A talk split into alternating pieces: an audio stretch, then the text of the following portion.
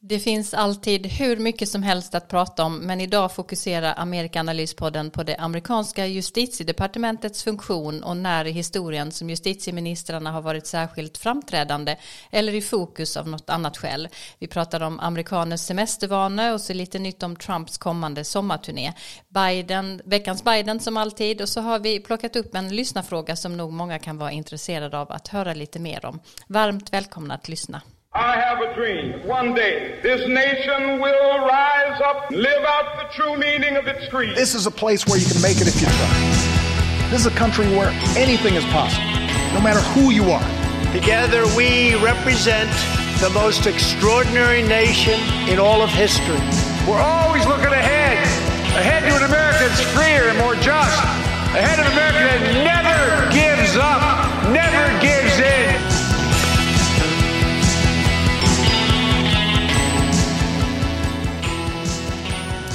Ja, som sagt, varmt välkomna till sista avsnittet av Amerikanalyspodden innan vårt sommaruppehåll. Vi hoppas ju nu att alla ska få en sommar där vi kan umgås med lite människor igen. Jag har fått min första spruta äntligen, så en liten öppning till umgänge har kommit eh, här. Och Eh, fortsatt är det ju viktigt att hålla avstånd men vi, förhoppningsvis så kan vi njuta lite av sällskap. Med mig eh, har jag idag som vanligt Karin Henriksson och Dag Blank. Hej på er! Hej.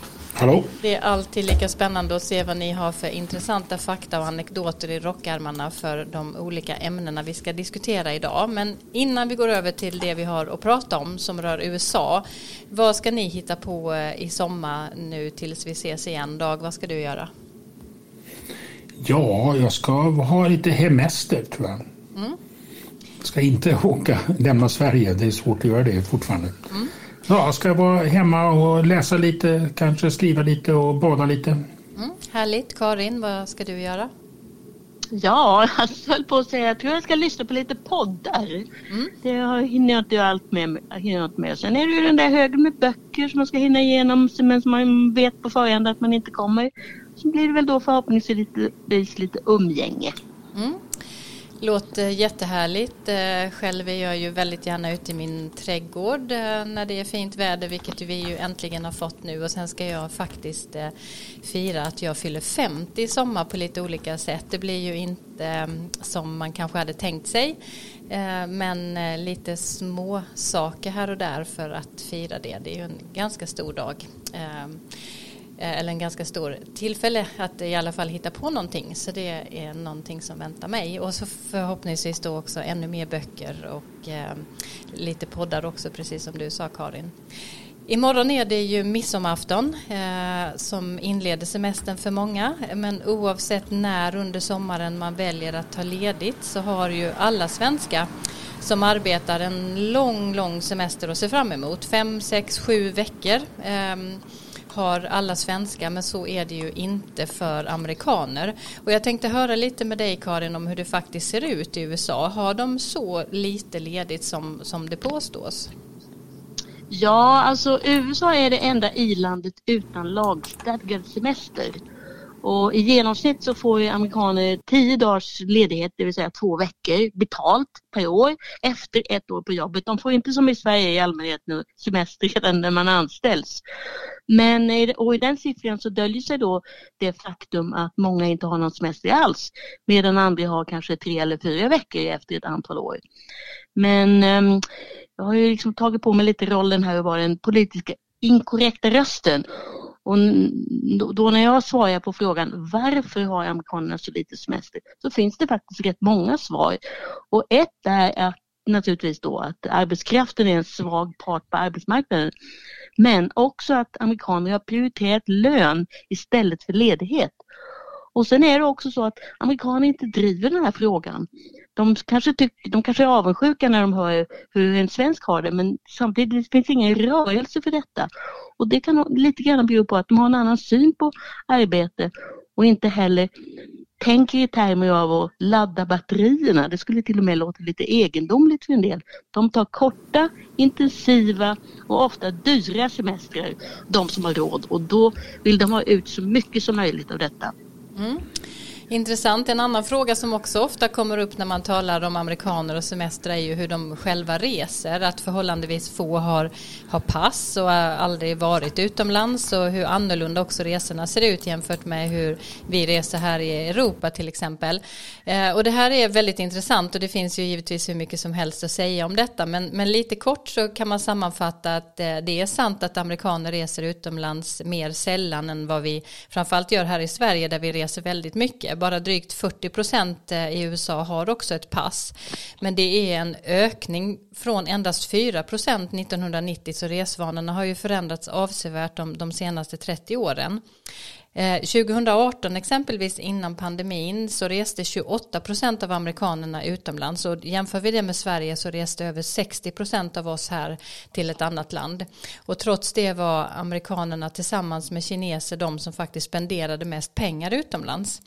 Populäraste resmålet är Mexiko men även Kanada och Mellanamerika är resmål som gästas av många amerikaner. Och när man åker till Europa så ligger Frankrike i topp över de mest populära länderna för amerikaner att besöka här eh, hos oss. Eh, det är lätt att raljera lite över amerikanernas resvanor men då glömmer man ju lätt att USA är en kontinent som har en enorm naturrikedom och väldigt många häftiga och varierade städer. Också att det är stor skillnad mellan olika regioner och när man har allt på hemmaplan så minskar ju också incitamenten att åka någon annanstans. Samtidigt så visar forskning och undersökningar att amerikaner generellt har lite mindre intresse av omvärlden än många andra länder. Och det har givetvis väldigt många olika förklaringar eh, varför det ser ut så. Eh, och sen påverkar ju det som du sa Karin också givetvis att man har så väldigt korta semestrar att eh, hur man kan resa överhuvudtaget har man bara en vecka eh, så kanske man prioriterar att hälsa på vänner och släktingar i någon annan delstat eh snarare än att ta sig till någon annan sida av, av, jorden. Och jag ska inte fastna i allt roligt som finns att säga om amerikanernas resvanor. Man kan läsa mer om det faktiskt i min och Sanna Björlings bok Supermakten. Men en, en kul detalj är att genomsnittsamerikanen har besökt 12 delstater eh, och flest amerikaner har besökt Florida. Och minst besök har, gör man i North Dakota men även Montana och Idaho och Alaska har väldigt få besök från egna landsmän från andra delstater. Alaska är däremot ett resmål som flest amerikaner säger sig vilja åka till i den, i, inom det egna landet. Ehm, ja, det var lite sådär om deras semestervanor och det har ju hänt mycket detta som jag sa. Det är väldigt många mer idag som har pass till exempel. Men har du något mer att tillägga Karin till, till allt detta? Ja, möjligen först och främst om svenskarnas resvanor. Man brukar höra från folk som har rötter i Norrland att det är så svenskar som är där. Det är fler som varit på Kanarieöarna kanske. Men eh, jo, det, jag tänkte nämna det finns faktiskt en förmån som kanske är okänd för en, en svensk publik. Och e, en sådan kallas för personal leave days. Det är ett antal dagar med full betalning som många får. Och de här dagarna kan man använda när de är sjuka eller behöver ta hand om någon anhörig eller något annat privat skäl. Och det är lite av piska och morot över det hela för att de här dagarna kan de spara i en bank och till exempel gå i pension tidigare eller helt enkelt rösta sig för någon typ av långtidssjukdom hos själv eller hos dem själva eller någon, någon släkting. Eller så kan de donera de här dagarna till arbetskamraterna. Men en nackdel är naturligtvis att eh, småbarnsföräldrar till exempel, de gör ju slut på sina dagar väldigt snabbt. Och i alla fall ett fall som jag känner till så hade vederbörande 13 sådana dagar per år. Det är ganska faktiskt. Mm. Och det här med föräldraförsäkring pratade vi väl om i senaste avsnittet så har ni missat det så gå tillbaka till det för att eh, höra lite mer om just hur eh, eh, föräldraförsäkring och barnomsorg fungerar i USA. Dag, har du någonting sådär att säga om amerikanernas resvanor som du tänker på? Ja, jag håller med som ni har sagt tidigare. Det är, det är väldigt selektivt. Det finns ju vissa amerikaner som reser jättemycket som har liksom varit på enormt många platser. Men de flesta eh, eh, reser ju mycket mindre och det, det har att göra med att man reser hemma vid väldigt mycket ändå. Jag kommer ihåg första gången som jag eh, reste till Washington när jag studerade i USA. Den här idén om att åka till huvudstaden, så att säga. Att alla ska åka till Washington. Någon gång i sitt liv ska man se Washington och se de här byggnaderna, Vita huset och kongressen och så vidare det blir som en liten ritual nästan. Att, att, att det finns vissa saker som ingår. Och det, det, kan man ju säga att resandet på något sätt eh, är ett sätt att skapa gemenskap, att skapa nationalism, det ska skapa en nationell samhörighet ska jag säga. Genom att man besöker de här platserna som finns som natur, eh, de vackra naturplatserna, Grand Canyon och olika nationalparkerna men även monumenten av olika slag. Mm. Innan vi går vidare till eh, dagens ämnen så har vi fått in en lyssnarfråga som vi kanske kort kan besvara i alla fall eller prata lite om och det gäller pressekreterarnas roll i Vita huset. Den, den rollen har blivit allt mer känd också för oss svenskar på senare år. Du som har jobbat som, som journalist i, i DC så väldigt länge Karin, eh, säg någonting om just den här rollen. Ja, i korthet så är pressekreteraren Vita husets ansikte utåt och då därmed en, en kugge i PR-maskineriet och ingår då i en större kommunikationsavdelning. Och de här dagliga briefingarna hålls vid ett-tiden eller lite senare i det här rummet med podiet. Det var rutin ända fram till Donald Trump och så mycket annat. Och hans pressekreterare allt färre briefingar och i synnerhet den sista beskylldes för att ha blivit en, eller uppträda som en, en politisk megafon åt Trump.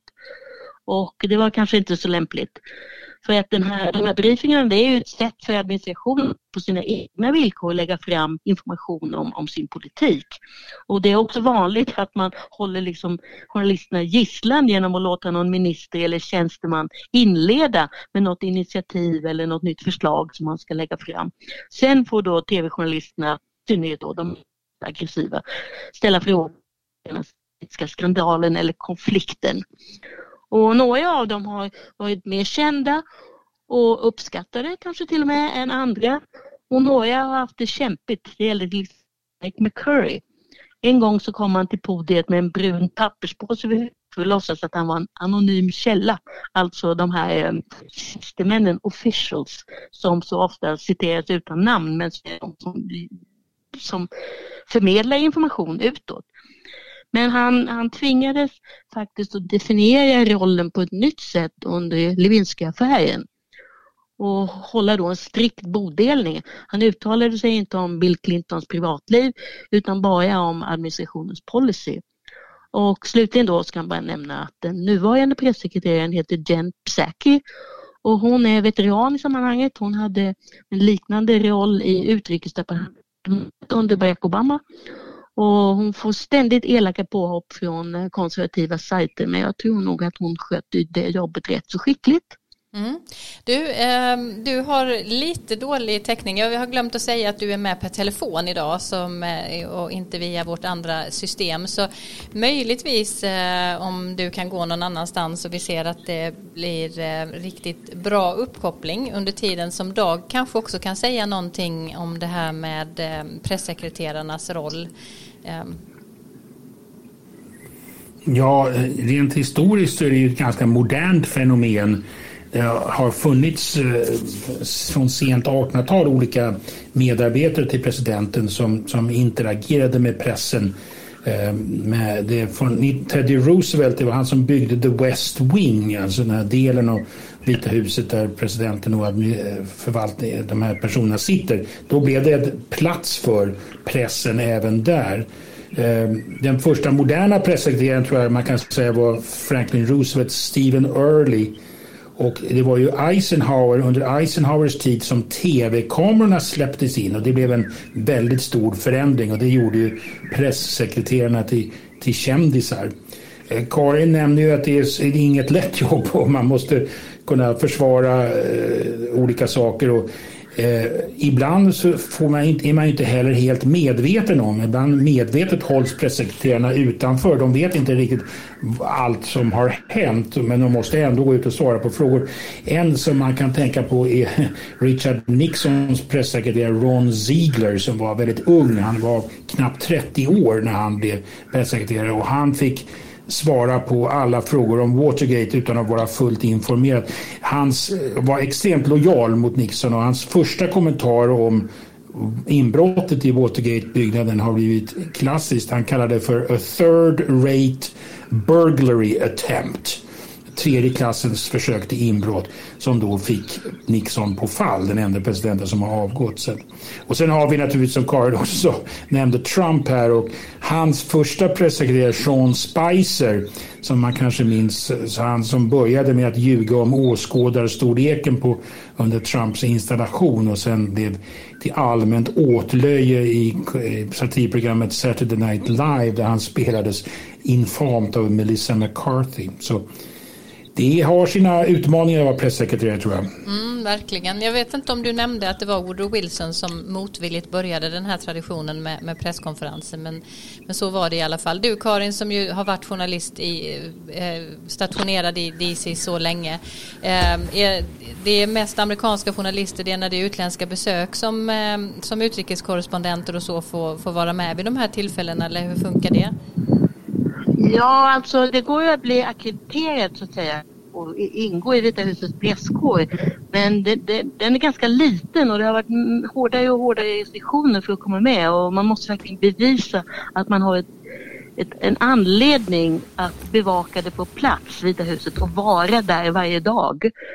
Och eh, det, är någon en, det är några enstaka utlänningar, det brukar vara någon ryss och några engelsmän. Alltså brittiska medier har ju liksom lite ska man säga, lite högre status i USA än andra länders medier. Mm. Men eh, du har varit där antar jag? Ja, ja, ja, för sjutton. Mm. Alla, vid varje tillfälle så passar man på att ställa sig bakom det där podiet och ta bilder och skicka till sina vänner. Mm. Ja. Spännande. Eh, nu går vi över till en... Ja, vill du säga något Dag? Ja, man kan lägga till också att det, det, finns ju den här White House Correspondents Association. Det finns en förening för journalisterna i, i Vita huset och de har den här årliga, numera ganska berömda middagen, The White House Correspondents Dinner, där presidenten nästan alltid brukar vara med. Trump var det inte och gör lite narr av sig själv. Och det var ju där bland annat på ett av Obamas sådana middagar när han Eh, släppte sin birth video. Det var ju Trump då som hade anklagat honom för att inte vara född i USA. Och Trump var då med på den här middagen. Han var inbjuden av Fox-bordet, Fox News-bord. Och då så släppte Obama mycket medvetet, eh, gjorde han, gav han tillbaka, gav sig på Trump igen och sa att ja, ja, nu har vi fått mitt birth certificate har, har jag släppt, men nu kommer min birth video. Så hade han en, en video där han från Lejonkungen där de höll upp det nyfödda barnet och det skulle vara Obama. Och det gillade inte Trump. Det finns någon som säger det var då han bestämde sig för att ställa upp. Mm. Ja, eh, jätteintressant. Visst är rummet inte så stort heller Karin som man ibland får intrycket av på tv? Nej, det är jättelitet mm. och eh, de sitter där som sardiner. Mm. Ja, jättespännande. Eh, intressant för dig som har fått vara med så mycket i, det, eh, i de sammanhangen. Men nu går vi över till eh, ett av våra, eh, våra kortare ämnen för dagen. Eh, kortare samtal ska vi ha om eh, vad Trump gör nu. På lördag kväll så blir det en comeback för Donald Trump kan man väl kanske säga. Han håller då sitt första rally av den typen som han älskade, denna gången i Ohio. Och i samband med nationaldagen den 4 juli så väntar ett i Florida. Och nyligen tillkännagav han också att han ska uppträda på en tour i Florida tillsammans med Bill O'Reilly, Fox News-profilen som tvingades avgå i samband med metoo. Också författare till en lång lång rad böcker med konspiratoriska teman och ordet killing i titlarna. Så vad betyder detta och vad är Trumps planer inför framtiden? Det ska vi prata lite kort om nu. Vad, vad ska man tro om det som händer just här närmast Karin? Vad, vad, och vad gör Trump i övrigt? Ja, han har ju, han, han har ju sitt eh, högkvarter på sitt eh, tjusiga hotell eh, Lago, eller klubb ska man kanske kalla det för. Och Eh, där håller han ju fortfarande hov och han eh, skickar ut eh, meddelanden på olika sätt om att valet var riggat och så vidare. Och om den här turnén då tillsammans med Bill O'Reilly kan sägas att den kallas att det är en history tour. Så man kan ju tänka sig att det blir alternativ historieskrivning där, till exempel om valutgången då 2020. Och eh, Trump han miss, misslyckades ju med sin tänkta återkomst till ett hörn av de sociala medierna. Det var ju, blev ju mest avfärdat som en blogg det försöket, From the desk of Donald J Trump. Men han fick aldrig, väldigt få besökare och eh, som sagt alltså han, han håller hov och han håller också på att ge en massa intervjuer nu. Dels då till tv-kanaler på högerkanten som heller inte har så många tittare men också med massor av folk tydligen. Talar med ett tjugotal personer som skriver böcker om, om Trump och hans presidentskap. Mm. Intressant. Dag? Ja, eh, olika rapporter från Florida då, som det här nu är, som Karin säger, det där han har sitt högkvarter, pekar på att han ägnar väldigt mycket åt sin tid åt att återuppleva valet 2020. Precis, att han liksom inte lämnat det bakom sig. Och att han tror att han vann och han lyssnar på de som säger att han vann och ägnar mycket av sin tid åt vilda teorier om hur han skulle kunna bli återinsatt det har diskuterats att det finns ju de som menar att ja, i sommar, i augusti, då kommer jag, vi har fått veta så mycket om allt fusk i valet, så då kommer han bli återinsatt i Vita huset. Helt otänkbart, men eh, många eh, rapporter antyder att han nästan tror på det. Mm. Eh, det är underbart att höra fåglarna där bakom dig Karin. Jag önskar jag visste vad det var för fåglar. Man hör dem väldigt tydligt och det är ju en fantastisk inramning på vårt sista avsnitt innan sommaruppehållet. Men eh, nog om det. Hur ser stödet för Trump ut just nu? Vad säger de senaste eh, siffrorna Dag? Ja, i, i Republikanska partiet är det ett fortsatt mycket starkt stöd. Eh, där har han sina kärnväljare och anhängare. Och eh, en, enligt en undersökning som jag såg så vill drygt hälften av de väljarna se honom som kandidat 2024. Eh, så där är eh, han, står han väldigt stark. Men frågan är då, som alltid tycker jag, hur långt räcker detta stöd i, i det allmänna valet, i the general election så att säga? Det, är ett republikanskt stöd, ja. Men hur ser det ut med, i resten av valmanskåren? Mm. Karin? Ja, nej men det som Dag säger är att eh, det här med återinsättningen så att säga, att eh, då de här verkligt eh, trogna Trump-väljarna, till exempel då i gruppen Qanon, de eh, blev jättebesvikna när de hörde talas om den här eh, Bill O'Reilly eh, turnén och sa ja men hur kan han vara ute och resa i höst? Han ska ju vara president då. Så att eh, det där det tyder på att han blir mer och mer liksom av, som man säger i USA, en entertainer. Och han kör då samma rutin. Det kommer ju bli då, valet var riggat som sagt. Eh, han fick fler röster än någon annan president. Han gick hårt åt Kina när pandemin började. Och eh, det intressanta var häromdagen när det hölls en liten eh, sån här intern enklare omröstning så visade det sig att guvernören i Florida, Ron DeSantis, fick fler röster än Donald Trump. Och det kan ju möjligen, alltså som kandidat 2020, 2024 och eh, det är en, en fråga, liksom kommer hans eh, popularitet och sakta falna? Och kommer då, som vi har sagt så många gånger, kommer det, de makthavarna i det republikanska partiet att godta att man har en person som Donald Trump som alltså väljer att stötta en utmanare till en sittande kongressledamot som Trump väntas göra på flera håll. Det är ju väldigt, det är väldigt utmanande att göra så. Att riskera att man blir av med en plats i representanthuset och splittrar stödet och det kommer då uppifrån så att säga. Mm. Vet man någonting mer om hans planer på det här med att starta en ny tv-kanal eller så? Talas det något om det nu, Karin? Nej, nej, nej, det har jag inte sett på länge och det talas ju också om att han då skulle starta någon typ av uh, alltså någon konkurrent konkurrent till Twitter.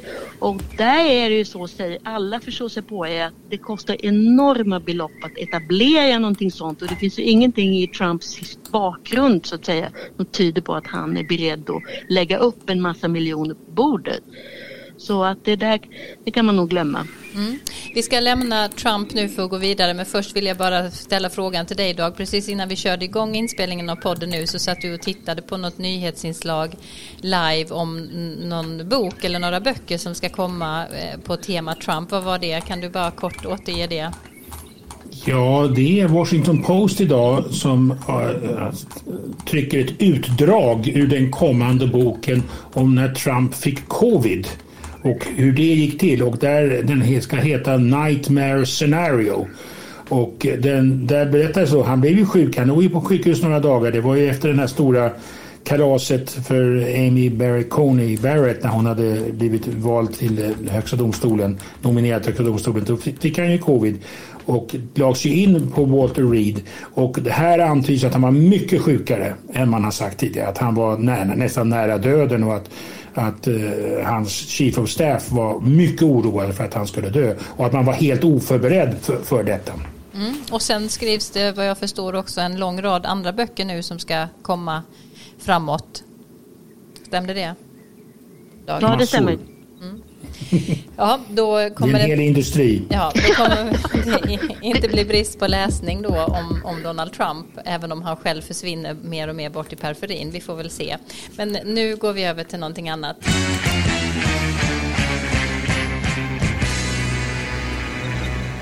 Ja, i förra poddavsnittet så nämnde du Karin att Joe Biden reste till Tulsa för att hedra minnet av alla som omkom, skadades och blev hemlösa efter en massaker för hundra år sedan. Du sa också att Biden kunde väntas hedra June 19 eh, den dag 1867 när slaveriet förbjöds även i Texas, mer än två år efter den så kallade emancipationsproklamationen. Det, är inget, det var inget lätt ord. Och det gjorde han verkligen. Vi ska lyssna på vad han sa här. It's not simply not enough just to commemorate Juneteenth. After all, the emancipation of enslaved black Americans didn't mark the end of America's work to deliver on the promise of equality. It only marked the beginning. To honor the true meaning of Juneteenth, we have to continue toward that promise because we've not gotten there yet.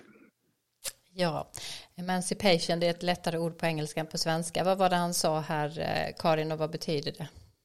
Ja, han, han sa detta vid en ceremoni där han skrev under beslutet om att eh, den här dagen, 19 juni, Juneteenth, ska bli en federal helgdag. Och han sa också att det här kan bli det stoltaste ögonblicket under hans presidentskap och eh, han menar då att detta är ett led då i att eh, verkligen eh, hedra de afroamerikanernas eh, uppoffringar för landet och det är dags att de, det är hög, alltså återigen att det är hög tid för dem att bli fullvärdiga medborgare. Och ehm, jag tycker faktiskt inte att det har varit så här jättemycket debatt om det här. Och beslutet det hastades igenom kongressen av Demokraterna men det är möjligt att det kommer bli mer och mer debatt och då är också frågan om en annan punkt som, eh, som finns på afroamerikanernas önskelista, nämligen kraven på skadestånd för slaveriet. Och jag kan nämna bara, om vi ska tala om anekdoter, så var det elaka rubriker i tidningen New York Post i veckan om IKEA i delstaten Georgia som för att eh, verkligen visa att de minsann var medvetna om att Juneteenth nu skulle bli en helgdag, hade satt ihop en särskild meny. Och på den här menyn så fanns bland annat vattenmelon som är ett typiskt signalord i de här sammanhangen. Det betyder då att eh, slavar åt vattenmelon. Det, var, det, det där togs inte alls väl upp och eh, såklart och eh, då visade det sig sen när man grävde lite djupare i detta att det hela hade kunnat undvikas om det hade varit så att några svarta hade varit med i eh, kommittén som bestämde vad som skulle serveras i kafeterian. Och det, för mig var det liksom ett bevis på att den strukturella rasismen finns. Att det var så klumpigt detta att man inte hörde sig för för säkerhets skull. Är det lämpligt att vi har de här rätterna? Så det, det var en läxa där för IKEA som har bett om ursäkt väldigt mycket. Mm, verkligen tydligt exempel på just det du sa om att mångfald i alla olika sammanhang eh, blir bättre på, på flera sätt. Och så måste jag ju då säga också att det var den, den 10 juni alltså här och inte den 19 som jag tror jag sa i inledningen. Men jätteintressant Karin, det var veckans Biden och nu istället över till vårt fördjupningstema.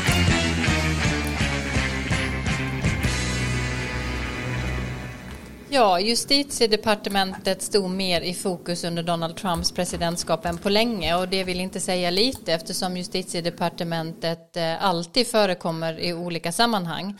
Trump avskedade sin första justitieminister Jeff Sessions trots att denna som senator från Alabama kanske var den första som verkligen gjorde att Trump framstod som en trovärdig republikansk presidentkandidat. Ehm, Trump menade att Sessions svek honom när han eh, hänvisade till jäv och vägrade att delta i de interna utredningarna om Rysslands ingrepp i valrörelsen 2016. Eh, det blev mer kontroverser senare som eh, inbegrep FBI-chefen James Comey, en tänkt ersättare till Sessions, erfarna tjänstemän som avgick men framför allt beskyllningarna om att Trump använde departementet och juristerna där som sina privata advokater. Avslöjanden som tycks bekräfta detta duggar nu tätt i, bland annat Washington Post. Och detta ska vi ta tala i dagens fördjupningstema, alltså om justitiedepartementets roll både eh, under Trump och tidigare och nu. Hur fungerar det amerikanska justitiedepartementet, eh, Dag? Ja, det är, spelar en mycket aktiv roll och viktig roll i amerikanskt samhälle. Man ska först notera att det är då en del av den exekutiva grenen av regeringen. Den står under liksom presidenten och, som utser justitieministern som sen bekräftas av senaten. Då.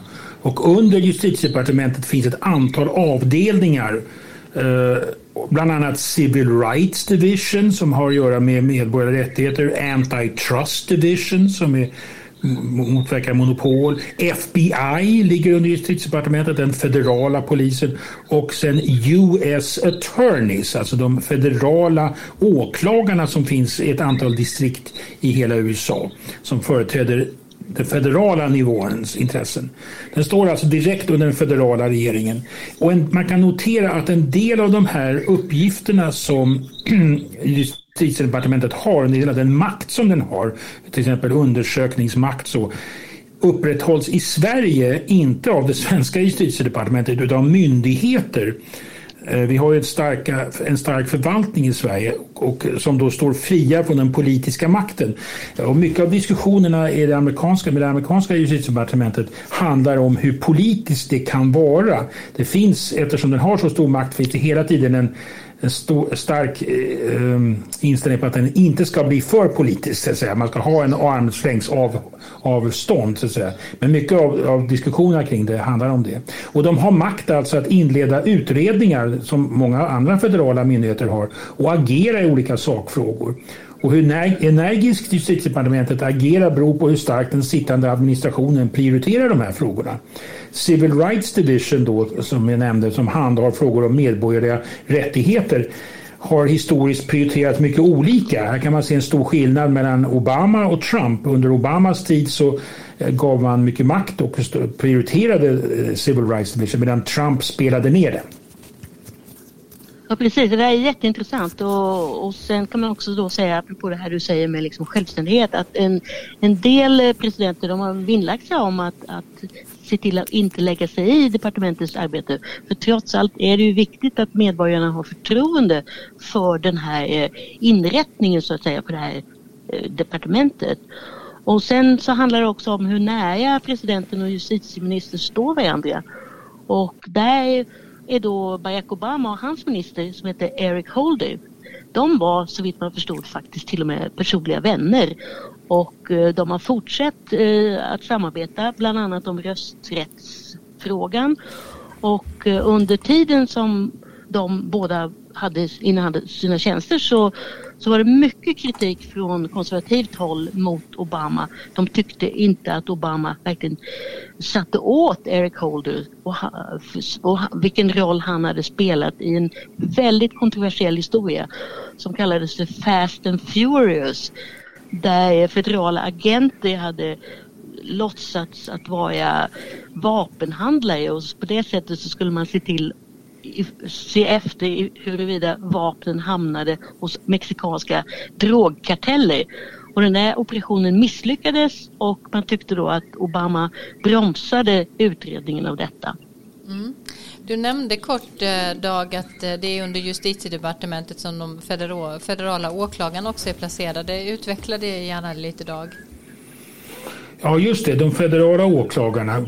Notera, vi har ju det federala systemet i USA. Vi har delstaterna som har sina, också sina åklagare. Men de federala åklagarna som hanterar federala ärenden, så att säga, som är federalt, faller under federala regeringen. De utses av eh, justitiedepartementen och sorterar under justitiedepartementet. US, United States Attorneys. Det finns 93 sådana åklagare i USA över hela landet i olika distrikt. De är utsedda av presidenten och då bekräftade av senaten. Mycket viktigt. De måste gå igenom den här eh, konfirmationsprocessen i senaten. Och de federala åklagarna och deras många assistenter, assistant US attorneys, finns då på, som finns där. De företräder den federala regeringen i olika juridiska frågor. De har stor maktbefogenhet.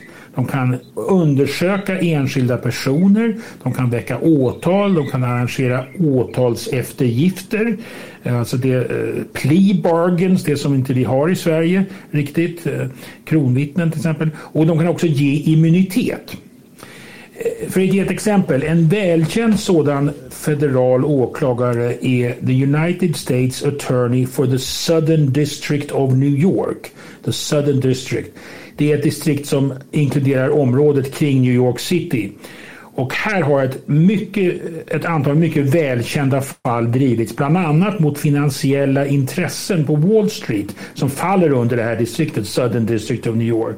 Även terroristfall har, har, har drivits här. Och några mycket högprofilerade personer har varit US attorneys for the Southern District, som till exempel Rudy Giuliani senare borgmästare i New York, senare Trumps främste vapenbroder och eh, advokat. James Comey, som sen då blev FBI-chef, och Preet Bahara. Eh, de, de har en stor, hög, hög profil. Sen kan man notera som jag sa att det finns federal uh, uh, attorneys, alltså här US attorneys, och så har vi då delstaternas åklagare, state attorneys. Och i New York så har vi då Cyrus Vance som är District Attorney of New York County. Uh, han är, är då på delstatsnivå och utreder delstatliga brott och det är han som utreder för närvarande de finansiella aspekterna av Trumps företag, The Trump Organization, eftersom den är då registrerad i New York. Där, och där beivras då brott mot delstatens lagar. Och det finns ju många som väntar på, den här utredningen pågår ju som Cyrus Vance driver på delstatlig nivå. Det finns många som väntar på den och, och, och där finns kanske stor anledning för Trump att vara orolig. Eh, men till skillnad från sin federala kollega då i New York så är Cyrus Vance vald. Delstaternas eh, eh, åklagare är ofta valda. Och de har alltså, där ser vi federalism i arbete. Den federala nivån som har sina attorneys, åklagare här, som driver federala mål och sen har vi delstaterna som driver på sin nivå. Mm. Eh, och visst var det så Karin, innan eh, du ska få beskriva lite om den nuvarande justitieministern, eh, att Trump fick utse rekordmånga sådana här federala domare under sin presidenttid, eller hur? Ja, det var det. Han, och han hade god hjälp av eh, senatsledaren Mitch McConnell som i sin tur gjorde det till sitt absolut, sin absoluta topprioritering i sitt maktinnehav. Mm, och det var också han hade god hjälp. Mm. starkt konservativa domare och i många fall också väldigt unga som kan sitta länge. Stämmer det också? Absolut, de var väldigt unga och, eh, eller är väldigt unga och eh, de kan säkert sitta där i 30-40 år för det finns ingen eh, obligatorisk pensionsålder. Nej. Om jag får skjuta in bara, om jag får skjuta in där är alltså domare, det är också federala domare. Nu, nu talar vi om åklagarna här, va? attorneys. Va? Men det är, på samma sätt så är domarna, de federala domarna, där var ju, så, utses på samma sätt där. Mm. Ehm, ja, eh, ursäkta om jag eh, rör ihop det här med mina frågor. Men Joe Bidens justitieminister ska vi nu gå över till här och han heter ju Merrick Garland. Ehm, ett känt namn i nutidshistorien. Varför det Karin? Ja, alltså Merrick Garland var domare, federal domare i en av de riktigt tunga domstolarna, appellationsdomstolarna, nämligen i District of Columbia, det vill säga Washington. Och han var då lite över 60 när Barack Obama tillkännagav att han skulle utse, ville utse Merrick Garland till Högsta domstolen.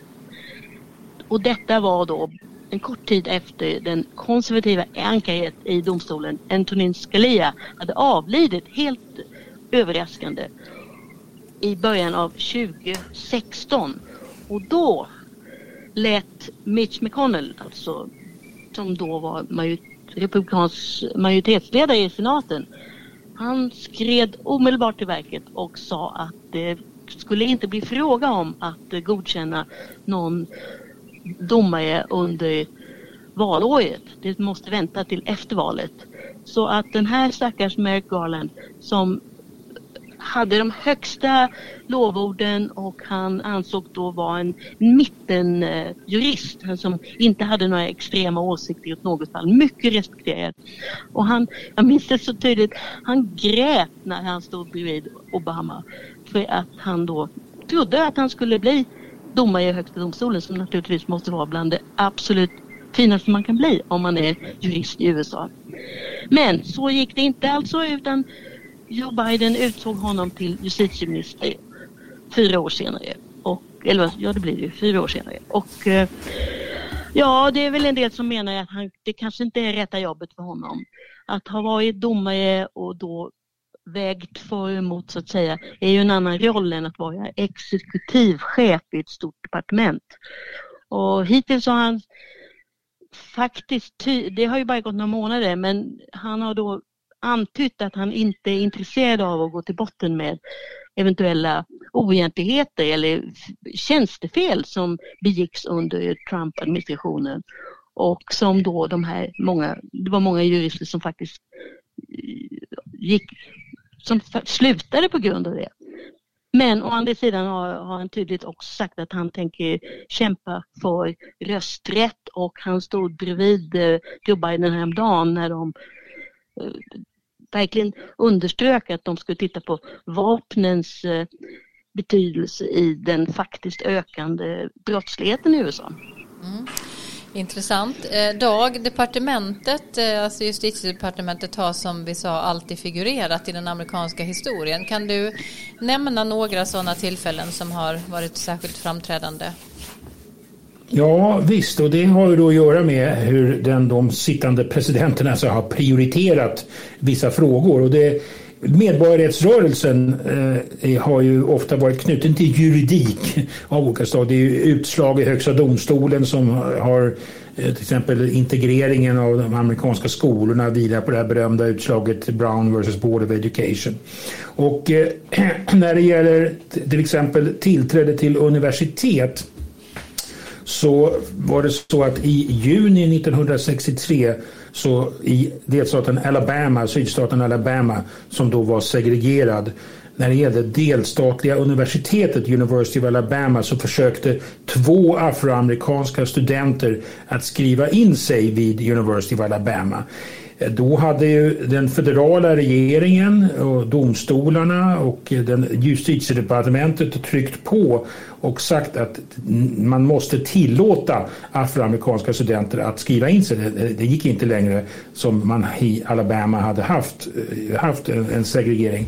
Och det kom till en konfrontation, en mycket berömd konfrontation där guvernören i delstaten han var då liksom högsta chefen för University of Alabama, delstatligt universitet. Han stod på trappan eh, framför en byggnad och George Wallace var det, den kände George Wallace, segregationisten, och vägrade att släppa in de här studenterna. En, en federal domare hade då beordrat universitetet, som jag sa, att anta studenterna. Och eh, den då biträdande eh, justitieministern, federala justitieministern Nicholas Katzenbach Eh, konfronterade Wallis på trapporna på den här byggnaden och sa ni måste, Mr Governor, ni måste släppa in de här studenterna, låta de här studenterna registrera sig. Den federala eh, eh, delen av regeringen har beordrat det.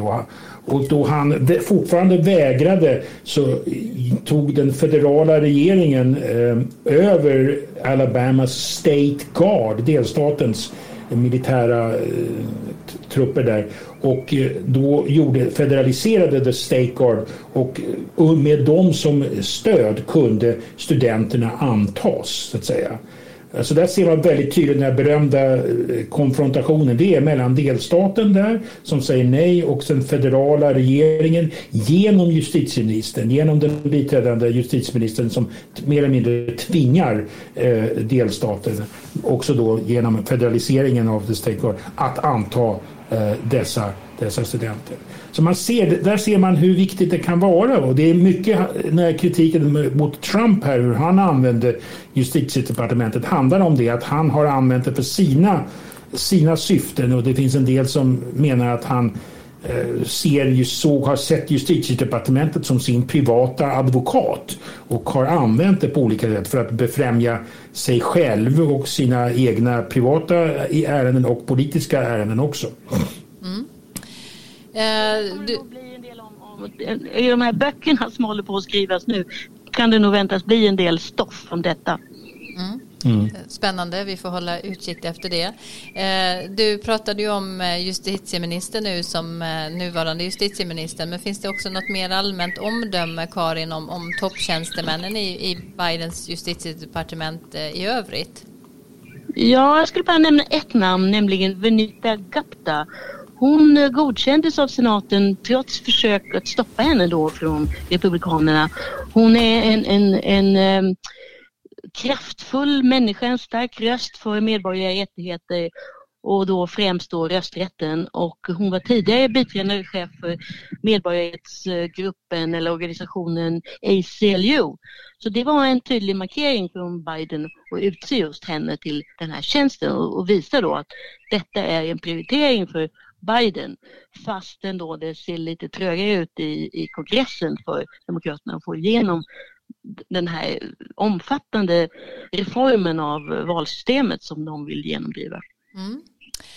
Eh, intressant. Eh, det var en hel del om justitiedepartementet det här och hur det styrs och eh, lite eh, tillfällen ja, i historien. Kan, Något annat? Ja, kan, ja. ja, bara en sak. Vi kanske skulle nämna Robert Kennedy som ju var sin bror eh, John F Kennedys justitieminister och eh, faktiskt en slags torped för eh, Kennedy kan man kanske säga. Han hade en oerhört stark ställning och eh, detta faktum då att de här två bröderna, ja, det ledde ju då till, eh, ja, ganska kraftiga anklagelser om eh, nepotism och att man inte kan ha en så nära person intill sig om man är president. Och hade inte detta inträffat så kanske Donald Trump hade fått sin dotter som utrikesminister eller något liknande. Mm.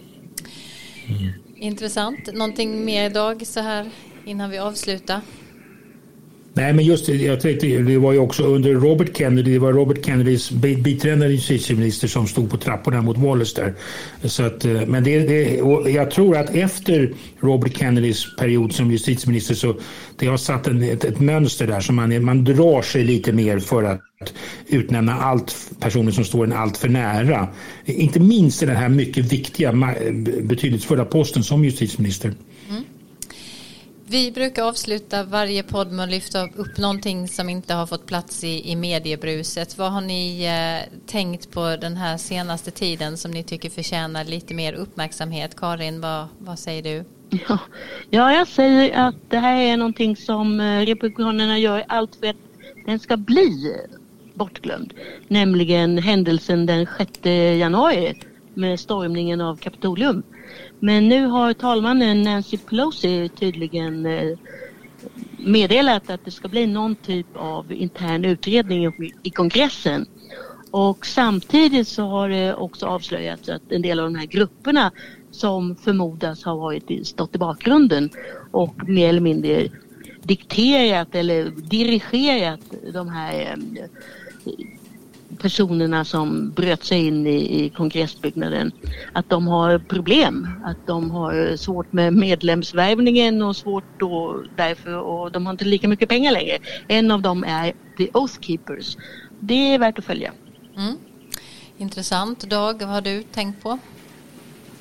Ja, det är inte så bortglömt direkt men man kan se allt mer tydligt hur politiskt vaccinationen har blivit Häromdagen så hade de blåa staterna, det vill säga de där Biden vann, nått det 70% mål som Biden har satt upp till 4 juli, att 70% av befolkningen ska ha fått åtminstone en spruta. Men de röda Trump-staterna hade bara nått 55 procent. Och det, det, kommer ju bli så att USA kommer inte nå 70 procent. Eh, eh, men, men, och det är en väldigt stark åtskillnad där mellan de politiska inställningarna. Att, att det, det slår igenom, den här polariseringen slår igenom även när det gäller vaccin mot covid-19. Mm. Intressant. Innan vi avslutar, vilken bok ligger nu överst i era bokhögar inför eh, sommaruppehållet här, Karin? Ja, det var en bra fråga. Jag håller just nu på med Röda rummet av August Strindberg. Men annars så har jag ju de här Nancy Pelosi-boken och uh, uh, John Boehners memoarer. Mm, du får berätta efter sommaren vilken det blev som blev prioriterad där då eller lästes eh, allra först eller vilken som var bäst för den delen. Dag, vilken har du överst i höger nu? Ja, jag går och väntar på en, en ny bok av, eller det är lite, den kom för något år sedan, av en eh, sociolog, en demograf som heter Richard Alba som heter The Great Demographic Illusion. Det handlar om det här som jag pratar ofta om, de här demografiska förändringarna. Och det här när USA blir, när, när minoriteterna blir majoriteter så här, och vad det betyder. Han har en ny tolkning av vad, vad de här processerna egentligen handlar om och den ser jag mycket fram emot att läsa. Mm. Själv har jag en Knausgård bok på överst i min eh, hög nu. Jag har aldrig läst någonting av honom. Eh, har lite värjt mig för det men har nu blivit rekommenderad av så många att jag faktiskt ska ta mig an detta. Så det ser jag fram emot om jag kommer uppskatta eller inte. Eh, stort tack Karin Henriksson och eh, Dag Blank för denna säsongen av Amerikanalyspodden. Tack även Erik Åsad som är en del av vårt gäng här men som har varit tvungen att fokusera på en del annat under våren och därför bara varit med vid ett par tillfällen. Eh, vi hoppas att han har möjlighet att vara med mer till hösten igen. Tack Johan Lindström för ljudillustrationer och tack alla lyssnare som hänger med oss i våra långa samtal om saker som rör amerikanska samhället och politikens villkor. Vi hoppas att ni hänger med även i höst givetvis när vi är tillbaka, närmare bestämt den 26 augusti. Eh, skulle det hända någonting dramatiskt i USA så håll utkik efter dem ifall vi gör något extra avsnitt, annars hörs vi igen den 26 augusti. Då också med nya gäster som vi har pausat lite av lite olika skäl här på de senaste avsnitten. Har ni några saker ni vill att vi tar upp i höst så mejla oss gärna på amerikanalys.gmail.com. Tills dess önskar vi er en riktigt skön och avkopplande sommar full av möten med människor som ni inte har sett på länge. Jag som säger det heter Frida Stranne och tackar för mig. Var rädda om varandra och er själva så hörs vi igen i höst. I have a dream. One day this nation will rise up, live out the true meaning of its creed. This is a place where you can make it if you try. This is a country where anything is possible, no matter who you are. Together we represent the most extraordinary nation in all of history. We're always looking ahead, ahead to an America that's freer and more just, ahead of an America that never gives up.